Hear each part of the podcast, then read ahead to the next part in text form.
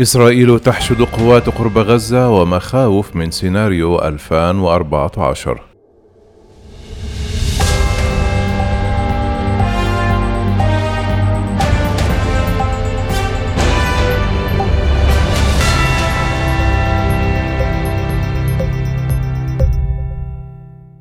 نشرت إسرائيل الخميس دبابات ومدرعات على طول الحدود مع قطاع غزة حيث يتواصل التصاعد الدامي لليوم الرابع بين قطاع غزة وإسرائيل التي تواجه في الداخل جبهة أخرى تتمثل في أعمال شغب ومواجهات في المدن المختلطة اليهودية العربية.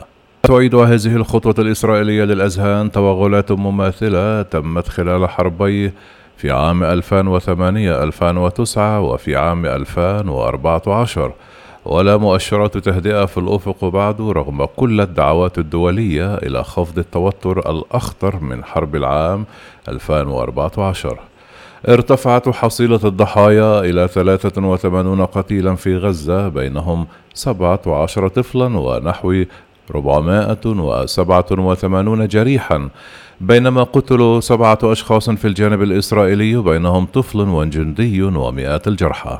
وبينما يتواصل القصف الإسرائيلي على قطاع غزة الذي تسيطر عليه حركة حماس شاهد صحفيون في وكالة فرانس بريس دبابات ومدرعات تتجمع قرب الحاجز الحدودي الذي يفصل غزة عن الأراضي الإسرائيلية. وقال المتحدث باسم الجيش الإسرائيلي جوناثان كونكيروس لوكالة فرانس بريس نحن جاهزون ونواصل الاستعداد لسيناريوهات مختلفة. من جهته ذكر رئيس الوزراء الإسرائيلي بنيامين نتنياهو الذي تفقد الخميس موقع بطارية لمنظومة القبة الحديدية المضادة للصواريخ في وسط البلاد. سيستغرق الأمر وقتا لكننا سنعيد الاطمئنان إلى إسرائيل.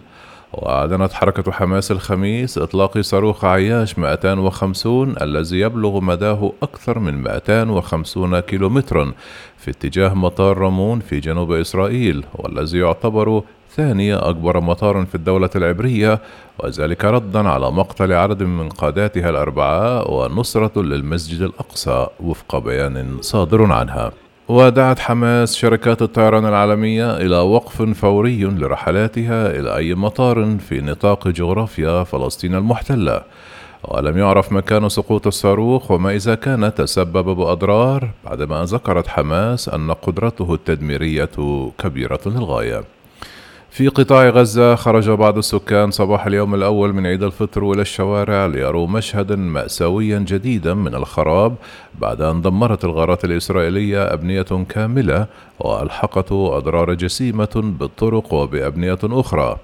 ودوت الخميس مجددا سفارة الإنذار في مدن إسرائيلية قريبة من قطاع غزة مؤذنة بسقوط صواريخ جديدة بعد أن طالت تلك التي أطلقتها حماس ومجموعات أخرى خلال الأيام الماضية مدينة تل أبيب وأقصى شمال الدولة العبرية. وبلغ عدد الصواريخ التي انطلقت من القطاع حتى الآن بحسب الجيش الإسرائيلي أكثر من 1600 بينما نفذ الجيش الإسرائيلي 600 ضربة على القطاع المحاصر الذي يقطنه قرابة مليوني شخص.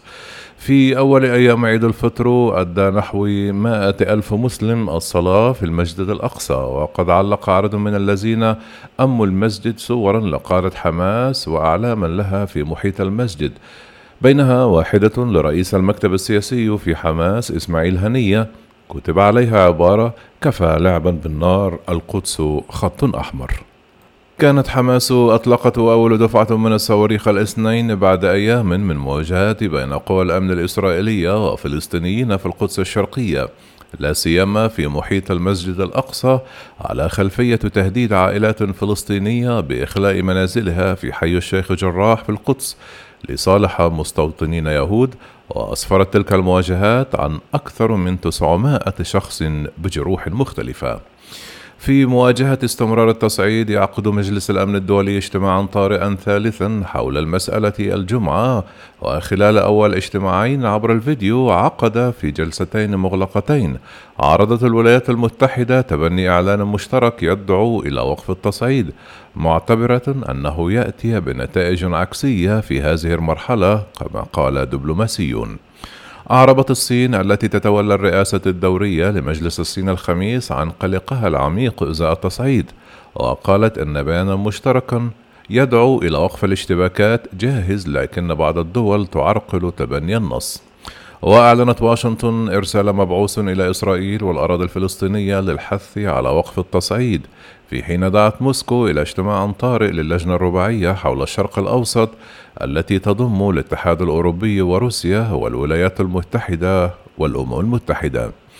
كما دعا الرئيس الروسي فلاديمير بوتين والأمين العام للأمم المتحدة أنطونيو غوتريس الخميس الإسرائيليين والفلسطينيين إلى وضع حد للاشتباكات الدامية المتواصلة وذلك وفقا للكرملين.